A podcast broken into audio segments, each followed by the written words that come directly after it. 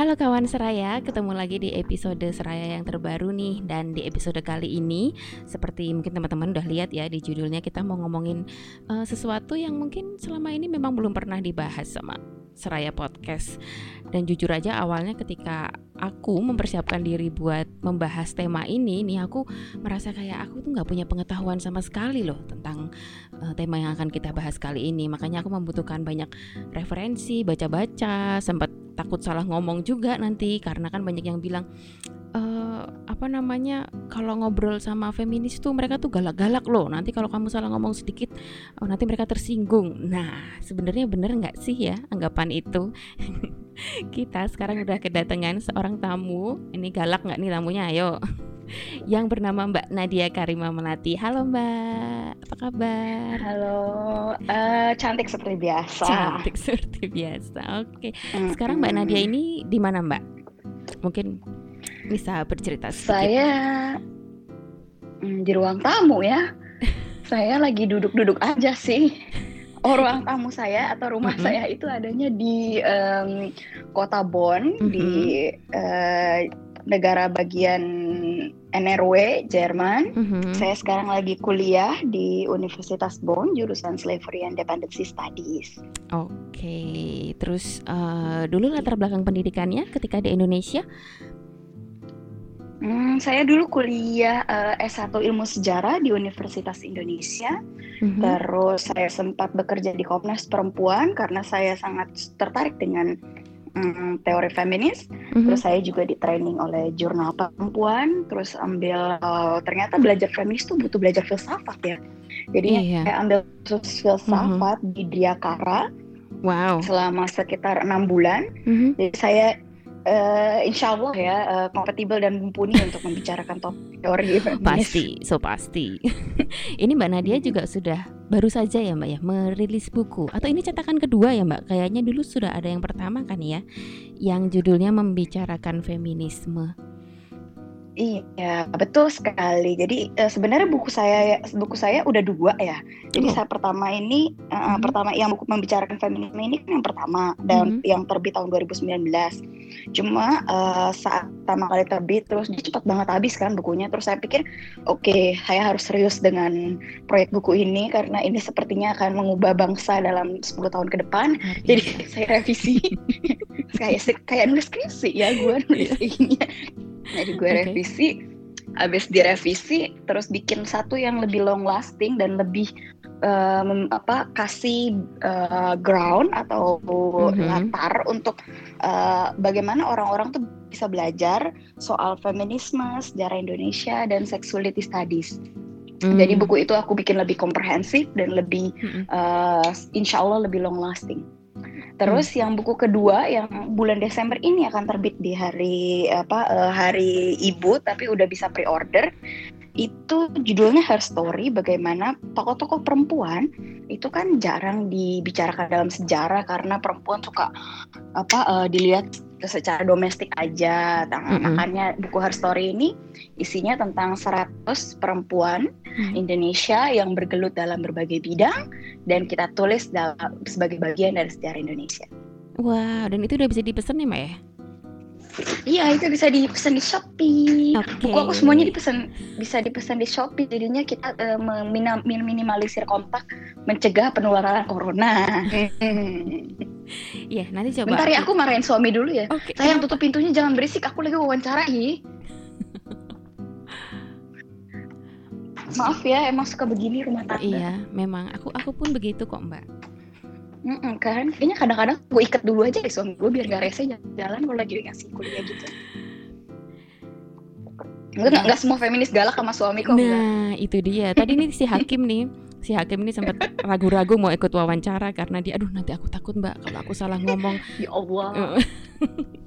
eh gue lah ya, gue ya nawar di pasar aja udah nggak tega ya, apalagi marahin orang. Nah, iya itu kan dan ya. Hmm. Terus oke, okay, jadi nyambung soal itu nih uh, tadi kan Mbak ngomongin mm-hmm. soal gimana sih perempuan itu diceritakan ya dalam sejarah Indonesia terutama. Mm-hmm. Kalau yang aku ingat dulu waktu aku sekolah itu memang kalau di buku pelajaran sejarah tuh uh, cerita tentang perempuan tuh semacam kayak menjadi catatan kaki gitu loh mbak kayak NB gitu jadi udah bahas hmm. tentang uh, apa tokoh-tokoh laki-laki kemudian nanti yang perempuan ada kayak segmen khususnya gitu yang membahas soal perempuan dan itu hanya uh, hanya singkat gitu padahal kan uh, seiring berjalannya waktu terus kita semakin lama semakin uh, sadar gitu dan tahu bahwa uh, sejarah gerakan perempuan dan perjuangan perempuan tuh uh, panjang juga gitu dan banyak gitu yang bisa diceritakan nah kita ini mau bahas terutama mengenai uh, awalnya dulu mungkin Mbak Nadia bisa cerita secara umum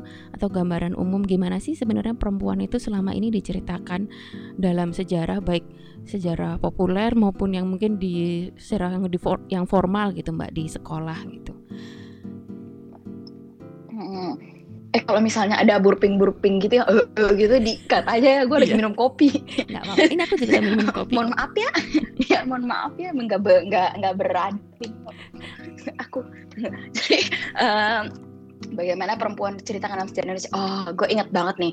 Jadi uh, waktu saya masih berkuliah di Universitas Indonesia kan hmm. disuruh kan ada buku wajib tuh. Buku wajibnya tuh ada namanya Sejarah Nasional Indonesia. Ini anak sejarah pasti familiar banget nih. Ada enam jilid yang bukunya tebal-tebal banget bisa dipakai buat nabok anjing tuh nggak?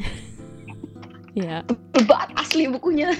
Terus da da dari dari enam jilid yang tebal-tebal nauzubillah min zalik itu ya, itu tentang perempuan dan gerakan perempuan itu cuma satu bab, satu setengah halaman tentang Kongres Perempuan Indonesia. Itu Udah dari enam enamnya dari enam enamnya. Iya okay. iya iya. Sumpah dah. Gue sampai kayak astagfirullahaladzim gitu loh. Kayak mm-hmm. paling ada beberapa uh, di jilid ketiga kalau nggak salah tentang yang yang kerajaan itu tentang uh, gaya Gayatri tentang Majapahit. Tapi itu memang memang permasalahan utama dari sejarah Indonesia ya. Karena penulisan sejarah Indonesia itu memang berpusat pada pemilik kekuasaan dan penguasa jadi kalau misalnya istilah uh, sejarah itu hanya ditulis oleh pemenang perang, itu di Indonesia masih berlaku. Dan hmm. sejarawan itu kan biasanya dibagi dari dua ya. Ada yang sejarawan akademisi, ada yang akademisi, ada yang dari sejarawan publik. Jadi kalau hmm. misalnya uh, sejarawan akademisi yang di kampus-kampus yang kerjanya nulis, nulis jurnal gitu kan. Hmm yang yang sejarawan akad, uh, publik yang kayak uh, Mbak Ami dan Mas Hakim melakukan gitu melakukan memberikan pendidikan langsung kepada publik. Nah, problem dari pemasalahan uh, uh, sejarawan akademik juga masih menulis dari perspektif from the top jadi para para pemilik kekuasaan. Nah, apa kabar nih orang-orang yang tidak berada dalam lingkaran kekuasaan karena misalnya penuh pelaku kalau misalnya pelaku sejarah cuma dilihat dari uh, raja, bangsawan, birokrat yang semuanya laki-laki, terus ditulis oleh petugas administrasi yang bekerja juga laki-laki, hmm. terus sejarawannya laki-laki juga, waduh semuanya jadi laki-laki. Iya. -laki. Nah, jadi ada uh, ada uh, dominasi dominasi yang dominasi cerita laki-laki itu memang harus dikritik dari seluruhnya dikritik secara radikal dari mulai uh, tokohnya dari bagaimana bagaimana uh, landasan teori atau approach dalam menulis sejarah yang lebih uh, apa ya lebih kepada halayak perspektifnya istilahnya kayak history from below hmm. bagaimanakah um, biar sejarah tuh nggak jadi sesuatu yang berjarak atau asing karena orang-orang kayak kita nih yang kerjanya yang setiap hari yang misalnya uh, sebagai ibu rumah tangga juga ditulis terus misalnya penjahit atau uh, pedagang di pasar mama-mama yang di pasar kita juga punya sejarah kan nggak hmm. ditulis aja kan dan nggak dipelajari di sekolah karena yang diajarin dan yang selalu direproduksi oleh masyarakat orang yang punya sejarah adalah orang yang berada di dalam kekuasaan di mana uh, uh, apa namanya pola penulisan sejarah yang kayak gini nanti akhirnya terpatri dalam budaya Indonesia jadi feodal. Kenapa kita selalu memuja-muja orang-orang atas, terus kenapa kita nyogok? Menurut aku itu memang sesuatu yang apa ya habitus yang mm -hmm. dimulai dari penulisan sejarah yang tidak adil. Hmm. Gitu. Terus uh, ini kalau kita ngomongin soal feminisme, Mbak, bagaimana feminisme itu bisa memberikan semacam apa ya pendekatan baru terhadap pengajaran sejarah yang seperti yang Mbak Nadia ceritakan tadi itu.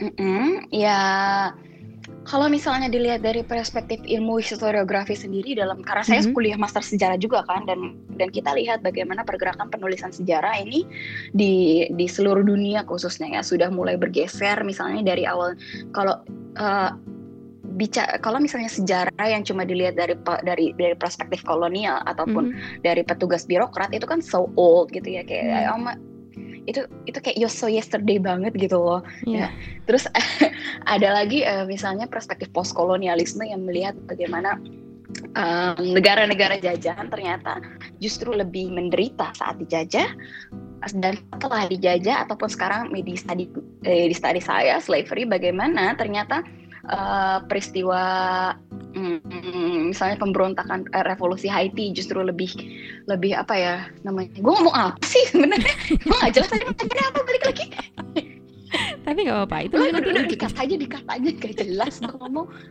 iya yang aku tanyain tadi um, oh oh iya gimana iya, ya, feminist, feminist bisa meng, meng, ya, merombak jadi, iya. tatanan tatanan tatanan tatanan sejarah wa, se, penulisan sejarah yang yang yeah. yang yang apa yang tua ini ya. Yang tua. Ya, hmm. oh iya, jadi gender studies, post colonial studies, terus um, uh, labor studies dan critical studies dia kan uh, memberi sumbangsih ya terhadap uh, penulisan sejarah pada umumnya dan dan di seluruh dunia.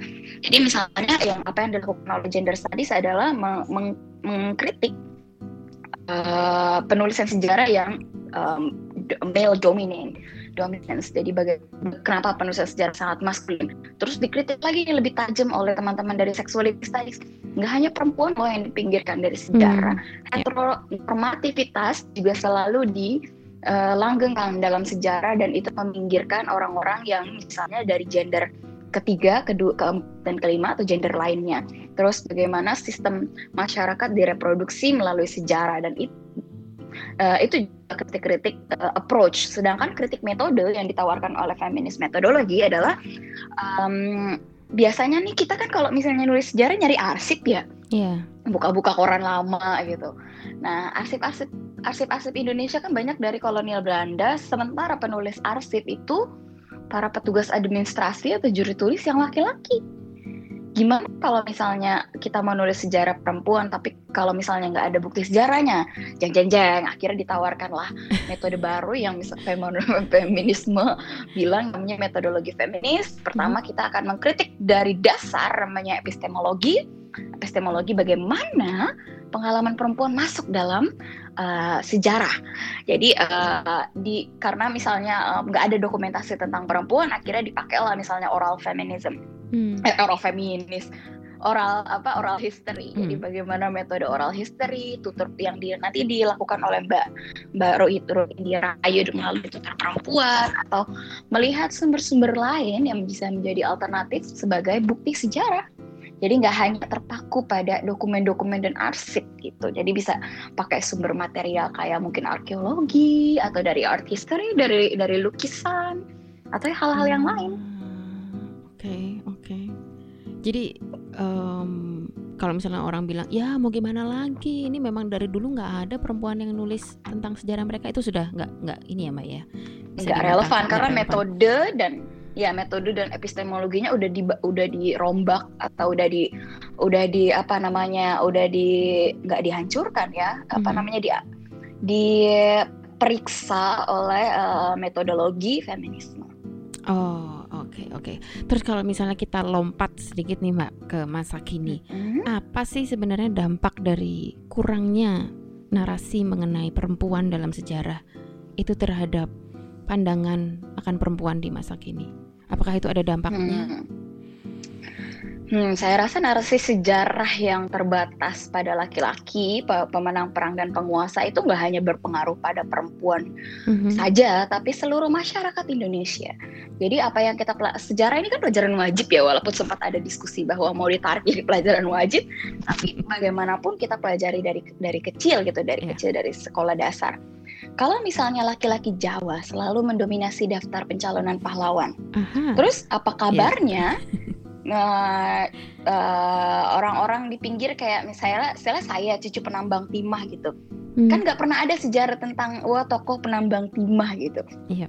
Terus uh, ro, uh, penulisan sejarah ataupun uh, peng, apa ya pengglorifikasian uh, tokoh pahlawan yang semacam ini akan mereproduksi pikiran bahwa orang Indonesia itu cuma dihormati sebagai manusia berdasarkan status dan kelas karena hmm. sejarah menulisnya demikian. Hmm. Terus kita akan terus-terusan menganggap rendah dan tidak menemani tidak memanusiawi tidak memanusiawikan misalnya uh, pekerja tambang tadi terus uh, mama-mama yang berjualan di pasar tadi uh, transmigran penjahit ibu rumah tangga dan sebagainya karena ya mereka tidak berada di pusat kekuasaan jadi mereka tidak punya sejarah mereka tidak berhak dihargai hmm. jadi kita akan terus-terusan apa mereproduksi pikiran diskriminatif kepada orang-orang kita sendiri Oke, okay. dan itu nggak akan nggak cuma ngefek ke perempuan ya mbak ya, bahkan mungkin ke laki-lakinya yeah. sendiri juga menjadi semacam kayak oh untuk menjadi seorang laki-laki yang oke, okay, aku tuh harus begini begini begini begini gitu. Padahal mungkin itu kan betul sekali, adalah okay. Iya betul. Oh pinter, hmm, senang aku tuh. Nah terus kalau misalnya nih mbak, kan kita sering nih uh, ini apa ada perselisihan antara boomers dan milenial gitu ya ini kok ibu-ibu yang boomers ini kok melanggar patriarki sih mereka gimana sih kayak gitu nah itu to be honest aku mengalami gitu. Maksudnya aku merasakan ini gimana sih ya kok generasi ibu-ibuku dan ibu-ibu mertuaku ini kok apa sih mereka semacam patriarki banget sih mereka gitu. Nah sebenarnya itu um, apa ya mbak? Ada dampak dari sejarah dan budaya tempat di mana mereka tinggal juga ya. Nah apa yang mereka alami gitu mungkin Ya, dan karena pemikiran itu kan hmm. paradigma pemikiran itu kan kembang terus ya. Hmm. Kalau misalnya kita ngomongin antar generasi itu kan lebih general. Hmm. Antar generasi misalnya dari generasi X, generasi Y, setiap generasi selalu punya prasangka atau persepsi uh, berbeda terhadap generasi sebelumnya karena me memang uh, lingkungan tempat dia tinggal ataupun uh, periode tahun tempat dia dibesarkan itu kan memang beda-beda dan membentuk hmm. paradigma pikiran yang juga berbeda-beda. Karena asing, lalu kita melakukan apa namanya prejudis atau sangka. Karena kita, kalau kita melihat sesuatu yang asing, kita nggak tahu kan gimana cara harus bereaksi. Jadi ya, yang hadir adalah pengetahuan kayak pengetahuan dasar dan prejudis gitu. Hmm. Nah, tapi kalau misalnya kenapa perempuan saling berkompetisi atau kayak hmm. misalnya saling merendahkan yang hmm. lain kayak ih dasar pelakor ini gitu kan. Yeah. Iya. Uh, dia tuh merebut laki orang gitu atau padahal sekarang uh, istilah pelakor udah direklaim jadi penonton drama Korea gitu atau pelantun lagu Korea. Yeah. Tapi itu juga misalnya uh, aku nggak bilang masalah ya, tapi aku lebih aku bisa bilang ini adalah contoh bagaimana perempuan laki-laki uh, dibesarkan berdasarkan identitas gender yang tersedia di masyarakat. Sayangnya, identitas gender lelaki adalah yang paling utama kan, yang dianggap sebagai manusia. Buktinya hmm. apa? Jadi uh, perempuan yang tidak diperlakukan sebagai manusia seutuhnya ini, misalnya dalam kasusnya di, di sorry sorry tadi mati. Uh, Oke. Okay, jadi ada uh, ini ada contoh dari uh, buku aku yang di ada Ida ya Ida Firzia ini pilot pertama di Indonesia dan dia menempuh waktu terbang lebih lama daripada rekan kerja lelaki untuk diangkat sebagai pilot Garuda. Hmm. Padahal kemampuan menerbangkan pesawat laki-laki perempuan kan sama aja ya. Yeah. Tapi Mbak Ida ini dibebani dibebani apa pertanyaan-pertanyaan um, seperti gini uh, apakah suami mendukung karir Mbak gitu. Terus dia dibebankan waktu apa waktu terbang yang lebih lebih lama daripada yang laki-laki. Karena perempuan selalu dilihat sebagai objek seksual dan dibesarkan sebagai objek. Hmm. Sementara laki-laki jadi subjek. Mm Gini nih, kita tuh kan cuma membanding-bandingkan objek. Jadi kalau objek itu objek itu bisa dibanding-bandingkan, tapi subjek subjek punya agensi. Jadi subjek nggak bisa di, nggak bisa dibandingkan karena dia punya agensi. Hmm. Karena perempuan dibesarkan sebagai objek seksual, dia dibiasakan untuk dibanding-bandingkan dengan yang lain. Hmm. Makanya kalau kumpul keluarga selalu ditanya, kok belum isi ya? Hmm. Kapan kawin? Kayak gitu. Hmm. Jadi kalau di per, uh, eh, laki-laki juga mengalami mengalami pertanyaan-pertanyaan nyebelin kayak gitu. Hmm. Cuma kalau perempuan itu selalu dibandingkan, oh ya kamu harus lebih baik daripada, oh istri pertama tuh harus lebih baik daripada pelakor, karena perempuan dijebak dalam pola pikir yang kompetitif, yang kompetitif, bah, kompetitif. Hmm. Nah, jadi perempuan tuh berada dalam satu selama hidupnya ya perempuan ini sebagai objek itu selalu berada dalam sebuah perlombaan tanpa akhir, cia hmm. selalu dibanding-bandingkan dibilang eh lihat tuh istri tetangga dia bisa masak hmm, gitu eh hmm. lihat tuh tuh karirnya udah bagus tuh eh, bayangin deh suaminya boleh nggak sih mungkin dia ngajar gitu kan yeah. jadi uh, apa uh, misal feminisme itu kan kita uh, menolak untuk uh, ide kompetisi kan kita menolak hmm. yang namanya kompetisi perempuan kita lebih baik mendukung aja kalau misalnya uh, apa namanya dibanding-bandingkan itu kan gak enak ya bu hmm. gak, gak ada orang yang suka dibanding-bandingkan eh lihat nih uh, rumput tetangga lebih hijau oh iya orang dia cat makanya hijau gitu hmm. jadi uh, kita mungkin harus belajar untuk membesarkan anak perempuan kita anak laki-laki kita untuk pertama tidak membanding-bandingkan pekerjaan tidak membanding-bandingkan uh, gender gender identitas gender dan mencoba untuk melihat manusia secara seutuhnya. Hmm. Hmm. Iya iya iya. Jadi itu pola bisa bisa jadi itu nggak ada men manusia yang lebih iya. baik daripada satu. Mm -mm. Iya, pola pengasuhan. Ya, kayak manusia itu ya, semua ya. sama aja, nggak iya, ada yang betul. satu lebih baik. Mm -mm, mm -mm. Gak ada yang lebih baik daripada yang lain, tapi kita dibesarkan untuk iya. membanding-bandingkan. Oh, anak anak pria itu jauh lebih lebih baik daripada kita misalnya yang anak uh, pegawai kantoran biasa gitu kan mm-hmm. ya sih tapi itu lebih cocoknya ke kita bandingin opresi privilege ya mm. daripada banding bandingkan satu lebih terhormat yeah, daripada betul. yang lain iya iya iya nah tapi mbak kalau misalnya ada yang bilang hmm? iya ampun eh, tapi itu kan sudah menjadi kebiasaan orang Indonesia untuk seperti itu sementara feminisme itu kan dari barat konsep-konsep kayak gitu itu gitu. Nah, bener nggak sih hmm. sebenarnya ketika orang ngomong bahwa feminisme itu tuh dari barat gitu?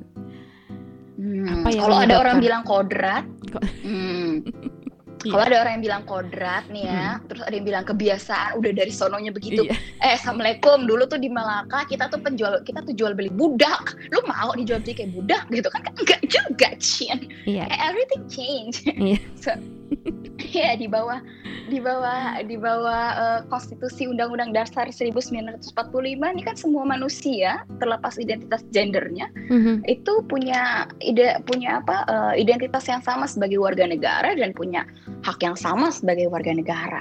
Hmm. Nah, tapi kalau misalnya istilah uh, feminisme dari Barat, uh, jadi kalau misalnya uh, tuduhan feminisme dari Barat itu berasal dari sebuah ilusi hmm. karena tiga hal. Pertama, karena kita sebagai negara negara yang pernah dijajah ya, hmm. sebagai negara yang pernah dijajah Barat, itu kita mau coba lepas dari embel-embel westernisasi Yeah. Misalnya bagaimana uh, Soekarno itu uh, mengubah Marxisme jadi Marxisme. Mm. Terus mm. uh, kata emansipasi lebih sering digunakan daripada feminisme pada masa-masa uh, perjuangan revolusi awal. Mm-hmm. Nah ini yang membuat bahwa ini ini uh, yang apa sebuah upaya perebutan bahasa. Jadi bahasanya dibuat supaya lepas dari westernisasi. Padahal sih intinya sama-sama aja ya Cin antara feminisme dan emansipasi. Hmm. Terus yang kedua, uh, secara peristiwa sejarahnya sendiri, gerakan perempuan ini kan pas masa Gerwani pernah dibabat habis ya. Yeah. Jadi Gerwani pernah dihabisin dan itu yang membuat uh, gerakan perempuan politik jadi tabu. Jadi semua gerakan perempuan itu kan jadi ter apa namanya teridentifikasi atau uh, berputar pada uh, politik eh pada sosial politik. Jadi nggak ke politik lagi nggak politik pure tapi ke sosial. Kayak misalnya um, perempuan melakukan voluntarism atau membantu perempuan apa atau memberi beasiswa. Jadi lebih ke sosial daripada ke politik karena politik dianggap tabu. Kalau misalnya mas perempuan masuk ke politik wah berarti dia uh, siap untuk di untuk dibabat habis lagi seperti kasusnya Garwani. Hmm. ketiga Nah, ini masalah kita sebagai akademisi, kita tuh punya fetish untuk mengutip tokoh barat daripada tokoh-tokoh Indonesia.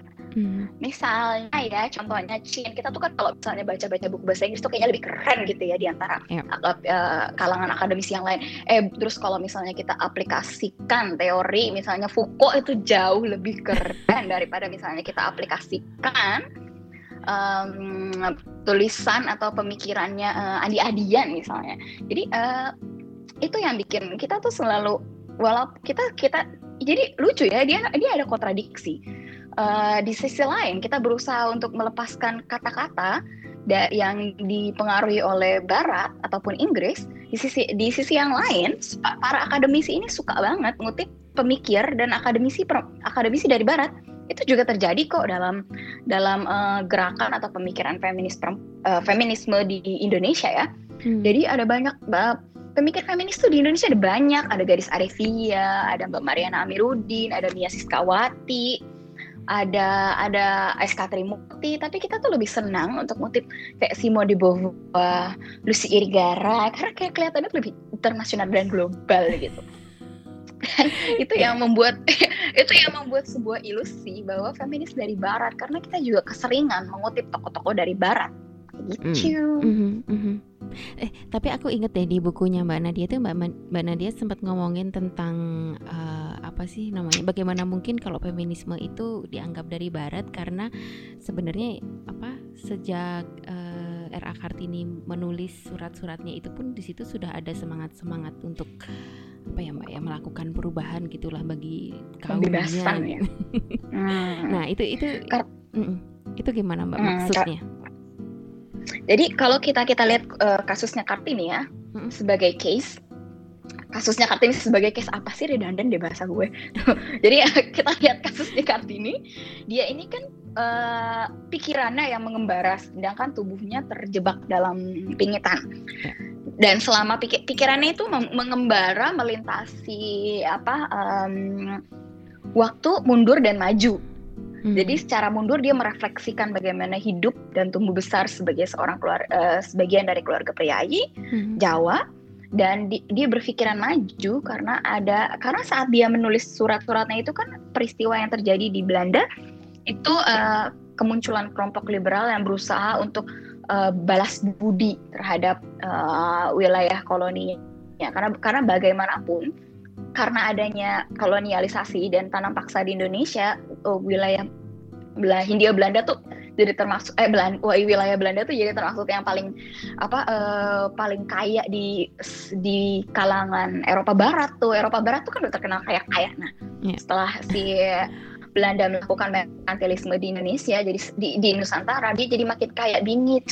Hmm. Nah, di sisi lain uh, kebangkitan ekonomi di Eropa Barat dan khususnya di Belanda itu menumbuhkan satu semangat soal individual freedom yang dipengaruhi oleh uh, uh, apa revolusi Prancis dan di situ juga berdampak pada uh, ide tentang pembebasan wilayah koloni atau hmm. seenggaknya bersikap lebih baik kepada daerah koloni. Hmm.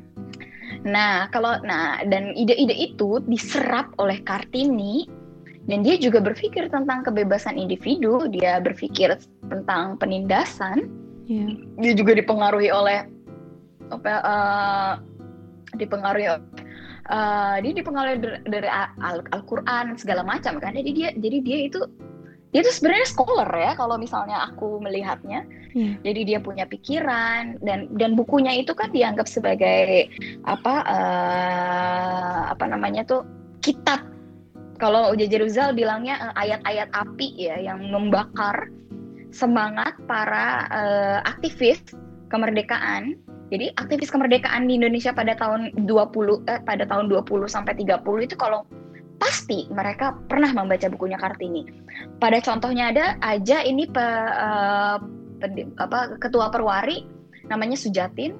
Mm -hmm. Sujatin ini di buku memoirnya dia bilang saya sangat terinspirasi oleh uh, tulisan-tulisannya Kartini. Bahkan saat dia didapat dia dapat dia menang lomba nih waktu SMA katanya. Terus dia dapat hadiah dari Hamengkubuwono. Terus hmm. di situ dia nggak mau melakukan dia nggak melakukan apa namanya uh, apa sih kalau orang Jawa tuh harus sungkem. Nah apa yang oh, kayak nunduk gitu. Iya. Iya, nah sungkem. Sujatin tidak melakukan hal itu dia bilang karena kita ini setara dan dan dia mengaplikasikan ide-idenya Kartini tentang uh, melawan feodalisme. Wow. Dan itu kan sangat Sujati ini uh, salah satu inisiator Kongres Perempuan pertama Indonesia ya. Hmm. Jadi bagaimana ide-idenya Kartini itu direproduksi dalam pikiran para pendiri bangsa, baik perempuan dan laki-laki. Jadi aku rasa kalau misalnya dibilang uh, uh, feminisme dari Barat, terus ide-ide uh, tentang pembebasan atau negara uh, ya pembebasan kemerdekaan dari Barat juga hmm apa kabarnya Kartini lu mau mau ignore gitu aja gitu hmm. pemikiran hmm. dia ya kali bu iya iya iya eh tapi kayaknya mbak Nadia juga sempat hmm. menyinggung bahwa uh, Kartini itu kemudian direduksi jadi hanya sanggulnya jadi hanya hmm. jadi kemudian kayak kita tahu kan kalau perayaan Hari Kartini kan dari dulu kan kita pakai pakaian tradisional gitu-gitu kan. Nah, hmm. itu kenapa Mbak kok bisa seperti itu gitu? jatuhnya. Jadi, wah ini panjang nih gue bikin paper sendiri nih ntar jadinya. Jadi ada pengaruh dari ada pengaruh dari penghancuran gerakan perempuan yang dilakukan oleh Orde Baru terhadap mm -hmm. Gerwani yang membuat perempuan direduksi menjadi sosial, biologis dan eh, domestifikasinya. Hmm. Dan itu terjadi juga pada tokoh pemikir perempuan yaitu Kartini.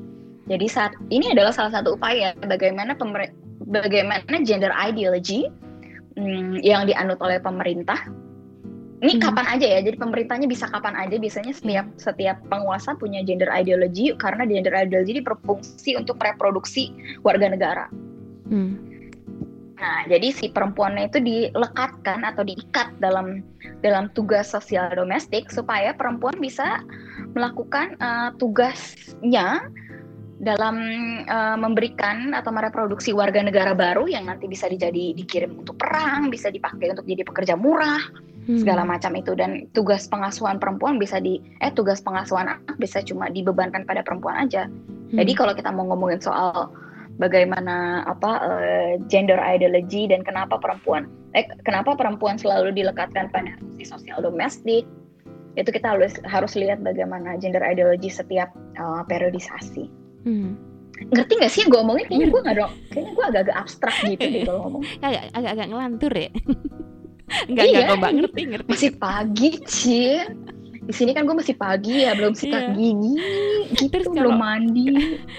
Kalau yang tadi itu kenapa mbak? Yang aku tanyain, kenapa kok perayaan Hari Kartini kemudian menjadi perayaan hari uh, ini apa? Baju-baju tradisional gitu. Itu mulai nah. beloknya itu tuh kapan itu? Hmm, kalau ini ya itu mulai beloknya ya semenjak naiknya orde baru ya karena dia butuh sesuatu untuk kan waktu orde baru naik itu kan Indonesia lagi gonjang-ganjing secara ekonomi terus hmm. secara banyak banyak misalnya belum menyatu sebagai negara kesatuan yang utuh gitu hmm. jadi harus ada satu ide soal soal nasionalisme yang menyatukan jadi okay. konsep nasionalisme ini kan abstrak ya yeah. dan nggak semua manusia bisa berpikir secara abstrak.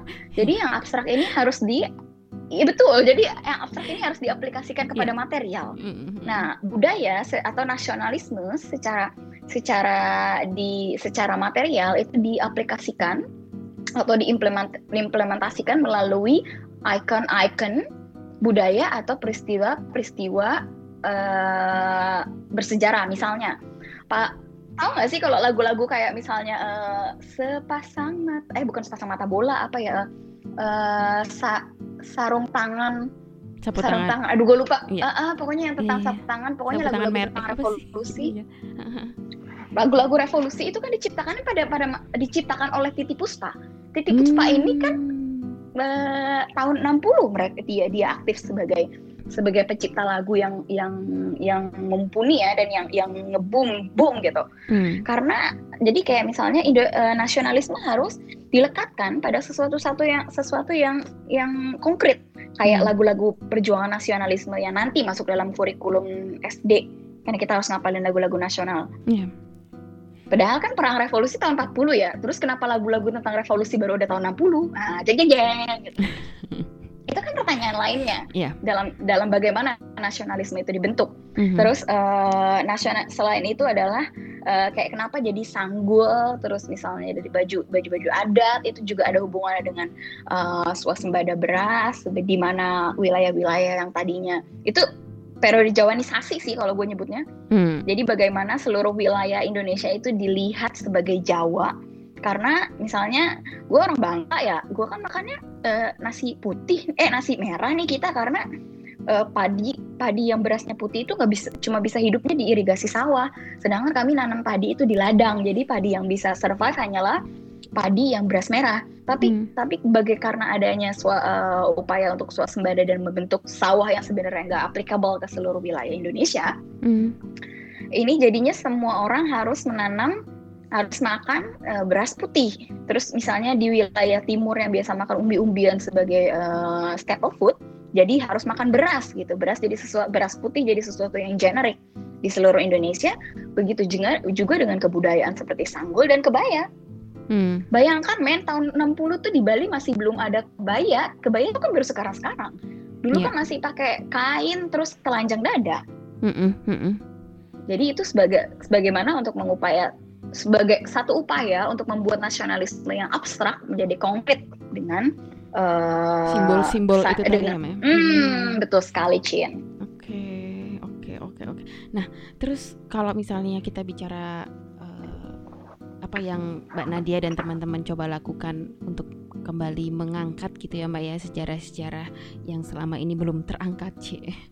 Aku ingat Mbak Nadia nulis juga bahwa sebenarnya nggak ada kan yang namanya istilah sejarah alternatif atau atau apa pun ap, apalah itu ya yang ada kan mm -hmm. sejarah itu kan sebenarnya kan sesuatu penjelasan mengenai sesuatu yang terjadi di masa lalu ya nah kalau mm -hmm. sekarang ini menurut Mbak Nadia yang paling urgent buat para sejarawan dan mungkin baik itu yang di kampus maupun yang sejarawan publik itu apa sih Mbak untuk mengangkat uh, narasi lain selain sejarah yang maskulin gitu? Hmm, sebenarnya nggak hanya nggak hanya sejarawan perempuan kan aku punya komunitas sejarawan mm -hmm. perempuan itu sebagai uh, aplikasi dari Agite Organise dan apa uh, Revolute nggak ada itu, itu emang menurut menurut aku problem dari sejarawan Indonesia itu emang feodal ya jadinya mereka tuh sukanya mengutip mereka cuma cuma melakukan penokohan, mm-hmm. melakukan apa? Mereka cuma membaca dan mengkritik uh, sejarawan sejarawan yang memang udah jadi tokoh gitu kayak misalnya uh, Ferdinand Baudel, terus mereka sukanya membaca karya-karya sejarah bule-bule kayak uh, Martin van Brussel gitu. Tapi mereka luput untuk membaca karya dari teman-temannya sendiri. Hmm. That's the biggest problem in academic um, hmm. spare ever jadi hmm. kalau kamu kalau kita mau hidup sebagai akademisi, kita kan pasti berkawan dengan sesama akademisi nih. Yeah. Nah, gimana caranya kita tuh cuma kita bahkan kita menutup mata dengan karya teman-teman kita sendiri dan kita cuma kita fokus untuk mengglorifikasi atau mengkritik uh, tulisan-tulisan dari uh, sejarawan-sejarawan yang udah gaek hmm. kayak Taufik Abdullah padahal kita punya banyak misalnya uh, sejarawan-sejarawan kayak Ruth Indah India Rahayu saya sangat-sangat suka dengan tulisan-tulisan yang baru Mbak Mbak Yuyut hmm. jadi problem problem sejarawan akademik ya khususnya mereka itu ya nggak membaca karya kawan nggak mengkritik karya kawan sendiri dan mereka fokus pada apa uh, teks-teks yang besar Okay. Jadi sejarah Indonesia nggak sejarah historiografi Indonesia akan jalan di tempat. Hmm. Dan kalau misalnya kalau misalnya kenapa uh, aku bilang uh, sejarah nggak ada kita nggak bisa meluruskan sejarah mm-hmm. karena ya gimana bagaimanapun kan sejarah itu kan tentang perspektif beberapa kelompok ataupun okay. seseorang mm-hmm. terhadap masa lalu kan. Mm-hmm. Jadi karena itu sifatnya subjektif dan melalui metode biar dia jadi objektif gimana ya kayak misalnya dalam satu kita ngelihat ngelihat gitar nih kalau misalnya dari atas oh kelihatan nih bentuk gitar dari samping kelihatannya cuma bongkahan bongkahan kayu doang. Yeah. jadi menurut aku semakin banyak sejarah yang ditulis akan semakin banyak juga uh, atau semakin utuh juga peristiwa yang terjadi di masa lalu itu jadi lebih komprehensif. Jadi nggak ada yang bisa dibilang wah sejarah A itu lebih lebih lebih benar daripada sejarah B. Enggak jadi kita harus combine dua-dua semua atau banyak perspektif supaya kita melihat bagaimana gambaran masa lalu yang lebih utuh. Hmm, oke. Okay. Terus kalau misalnya nih Mbak, aku jadi tertarik bertanya pertanyaan ini. Mm-hmm. ketika kita mau memberikan perspektif lain dalam penulisan sejarah, ketika kita katakanlah nih ya, mau memasukkan perspektif gender gitu. Selama mm-hmm. ini yang orang pikirin tentang gender itu kan identik sama perempuan ya. as if yang lain itu tidak bergender gitu loh. Nah, Uh, sebenarnya gimana Mbak? Ketika kita mem memasukkan perspektif gender entah itu kepada narasi penulisan sejarah atau dalam aktivisme kita yang lain gitu apa sih sebenarnya yang paling penting diperhatikan gitu? Apakah cukup dengan memasukkan kata perempuan gitu? Terus oh ini sudah berperspektif gender nih gitu Hmm, kalau ini kayaknya masuknya dalam kategori uh, pengalaman perempuan atau pengalaman gender atau pengalaman manusia pada umumnya. Ini sorry ya jadi ke mana-mana pertanyaan. ini ini gue lagi bingung nih, gue lagi mikir gue jawabnya pakai gini ya. Selamat datang dalam kuliah uh, sosial meta uh, sosial uh, social research meta uh, hari ini gitu kan. Atau kayak misalnya gue jawab dari pakai apa gue jawab pakai epistemologi feminis ya gitu. Jadi uh, kalau misalnya mau pakai karena kayak perspektif seseorang atau kelompok atau orang dengan pengalaman tertentu itu kan kita bisa bahasnya pakai social research ya hmm. metode apa yang paling cocok dan framework hmm. apa yang paling cocok hmm. tapi kalau misalnya kita mau ngomong soal uh, identifikasi kelompok tertentu misalnya uh, eh, non binary atau trans perempuan trans transpuan atau transmen ya yang kita lakukan yang dia harus dilihat adalah bagaimana mereka melewati dan segala macam tapi ya aku aku nggak akan ngomong banyak ya kayaknya baca hmm. baca buku yang tentang social iya. research method karena aku nggak tahu bagaimana yeah. uh, uh, research hmm. questionnya apa gitu kan hmm. jadi kalau tergantung dengan research questionnya nanti kita bisa lihat research objek objektifnya oh, jadi apa itu itu memang nggak yeah. bisa nggak bisa hanya dibilang ya memasukkan perempuan itu betul atau salah gitu ya karena itu tergantung konteksnya juga ya apa yang lagi mau kamu omongin sih gitu kasus per hmm, kasus iya. itu bisa beda dan hmm, dan sebenarnya kasus ini tuh sebenarnya kritik terhadap banyak banget itu misalnya orang-orang yang berusaha misalnya nih hari-hari kartini nih atau hmm. hari-hari hari-hari perempuan internasional nih banyak banget tiba-tiba orang punya tema tentang tentang bagaimana perspektif gender bla bla bla cuy ya. Mm-hmm. Tapi itu mereka masih masih misalnya ngomongin kategori kategori pahlawan lah ya dibilang, oh ya kita harus memasukkan lebih banyak perempuan. Tapi mm. apa apa gunanya kalau kita masukin yeah. kategori pahlawan perempuan, mm-hmm. tapi masih misalnya dalam berkutat dalam sejarah yang mas dalam peristiwa yang maskulin kayak pemenang mm-hmm. perang. Ya terus buat apa gitu loh? Oke, okay. itu tadi itu maksud kan pertanyaanku cuma... itu. Oh oke. Okay. Belibet ya, ya kayak, uh, ya Cin. Ini kan kayak apa ya? Yeah. Um, perempuan itu dimasukin sebagai token atau kayak transpuan sebagai token aja gitu hmm. biar kelihatannya agak-agak feminis padahal oh. tuh sama sekali gak memasukkan perspektif dan pengalaman perempuan okay. atau gender lainnya. Hmm. Terima kasih Mbak Nadia. Sebuah Udah nih gini doang nih. Sepertinya sih aku udah sampai di pertanyaanku yang paling terakhir. Apa Mbak Nadia ada yang mau disampaikan? Mungkin mau promosi bukunya atau mau cerita. Apa oh, ya? Mbak, aku tadi mau tanya. Aku hmm? lihat di Instagrammu kan kamu juga ikut semacam kayak Frauen Strike gitu ya di sana kayak apa Women's hmm, March hmm, gitu hmm. di Jerman. Hmm. Itu ada perbedaan nggak Mbak antara? Pasti ada sih, tapi uh, gimana ya maksudnya? Apa sih yang bisa kita saling pelajari gitu dari gerakan perempuan di sini dan di sana gitu? Ketika kamu aktif di sini dan juga aktif di sana, ada nggak uh, yang kamu rasakan berbeda atau sama atau piye? Sama aja sama aja ya sama aja kalau nggak kalau gerakan feminis yang udah jadi feminis mm-hmm. maksud aku misalnya dengan dengan kan uh, bedanya bedanya organisasi feminis dan misalnya non feminis adalah kita tuh biasanya sesama perempuan ya nggak saling sirik kita nggak kritik gerakan lain oke okay. okay. tapi misal saat gue bilang gini uh, eh aku nggak bisa datang rapat ya minggu ini soalnya anak aku sakit mm Terus kalau misalnya kita minta bilang gini, eh bisa nggak rapatnya itu nanti sekitar hari Sabtu sore aja soalnya kalau misalnya malam saya harus nidurin anak. Hmm. Jadi kalau organisasi feminis tuh enaknya mereka meng, mereka menilai kerja perempuan dan kerja domestik sebagai bagian dari kerja pada umumnya. Hmm. Jadi mereka menghargai kerja-kerja tersebut. Misalnya ada teman saya di, di grup sejarawan perempuan di komunitas sejarawan perempuan aku Soalnya ada teman yang harusnya presentasi pada tanggal segini. Eh tahunya dia melahirkan. Yeah. Oke, okay, ya udah kalau gitu kita ganti aja dan itu dia itu nggak bisa bilang eh aku melahirkan terus dia jadi excuse. Eh aku nggak bisa presentasi. Enggak, kita memang oke okay, dia melahirkan, kita harus support dia karena dia dia baru melahirkan, apa yang kita bisa bantu. Hmm. Kayak gitu sih. Jadi jadi ya, kita sama-sama apa ya? Asiknya tuh kalau kalau organisasi feminis itu ya yeah. menghargai tugas domestik sih. Jadi kalau misalnya hmm. maaf ya rumah gue berantakan yeah. terus ya ya udah. Dan ini mungkin yang, kita nggak nyinyirin kamu yeah. karena rumah berantakan. Dan ini mungkin yang teman-teman banyak apa ya belum paham juga ya dikiranya kalau misalnya kita di rumah sibuk masak gitu terus kamu katanya feminis kok masak sih gitu kan masih ada juga ya. Eh masak itu kan iya. Iya coy, eh ma masak itu syarat utama untuk bertahan hidup di era industrial. Hmm. Iya. Semua orang harus bisa masak coy, gile lo kayak lu lu hidup di di abad eh di tahun dua eh, abad perniagaan mm -hmm. gitu kan tahun mm -hmm. 20 lu nggak bisa nanam beras atau lu nggak bisa mm -hmm. bertanam mau makan apa mm -hmm. tuh?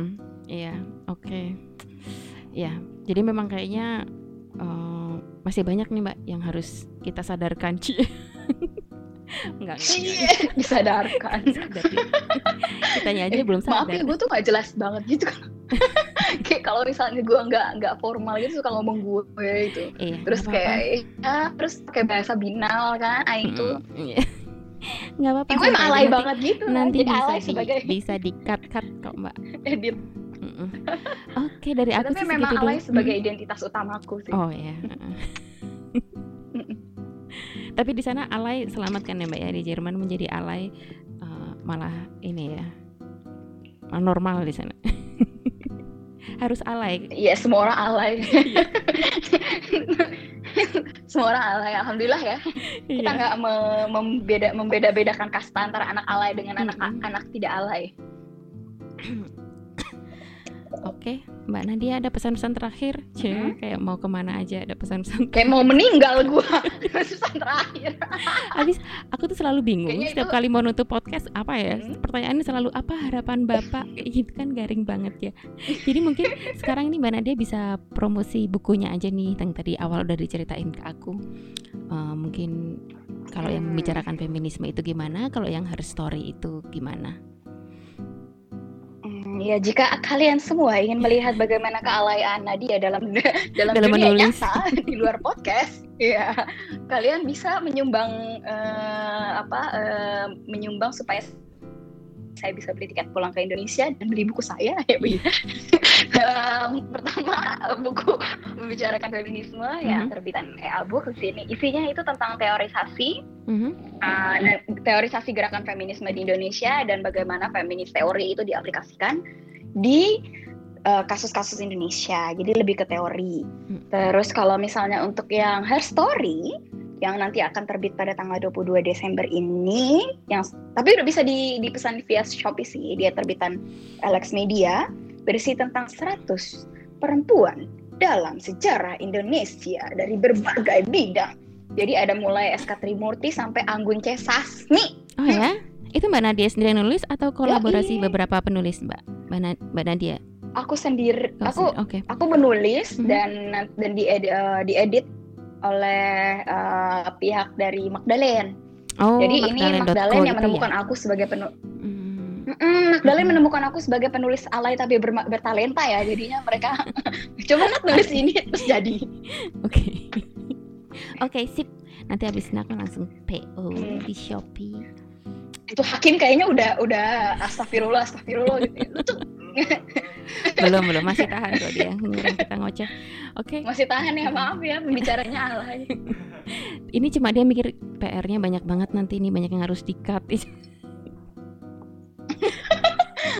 nggak apa-apa tunjukkan aja identitas kealayan ini kita harus reclaim oke okay. terima kasih mbak Nadia dan apa selamat ini masih pagi ya di sana ya jadi selamat berkegiatan deh buat hari uh -uh. ini.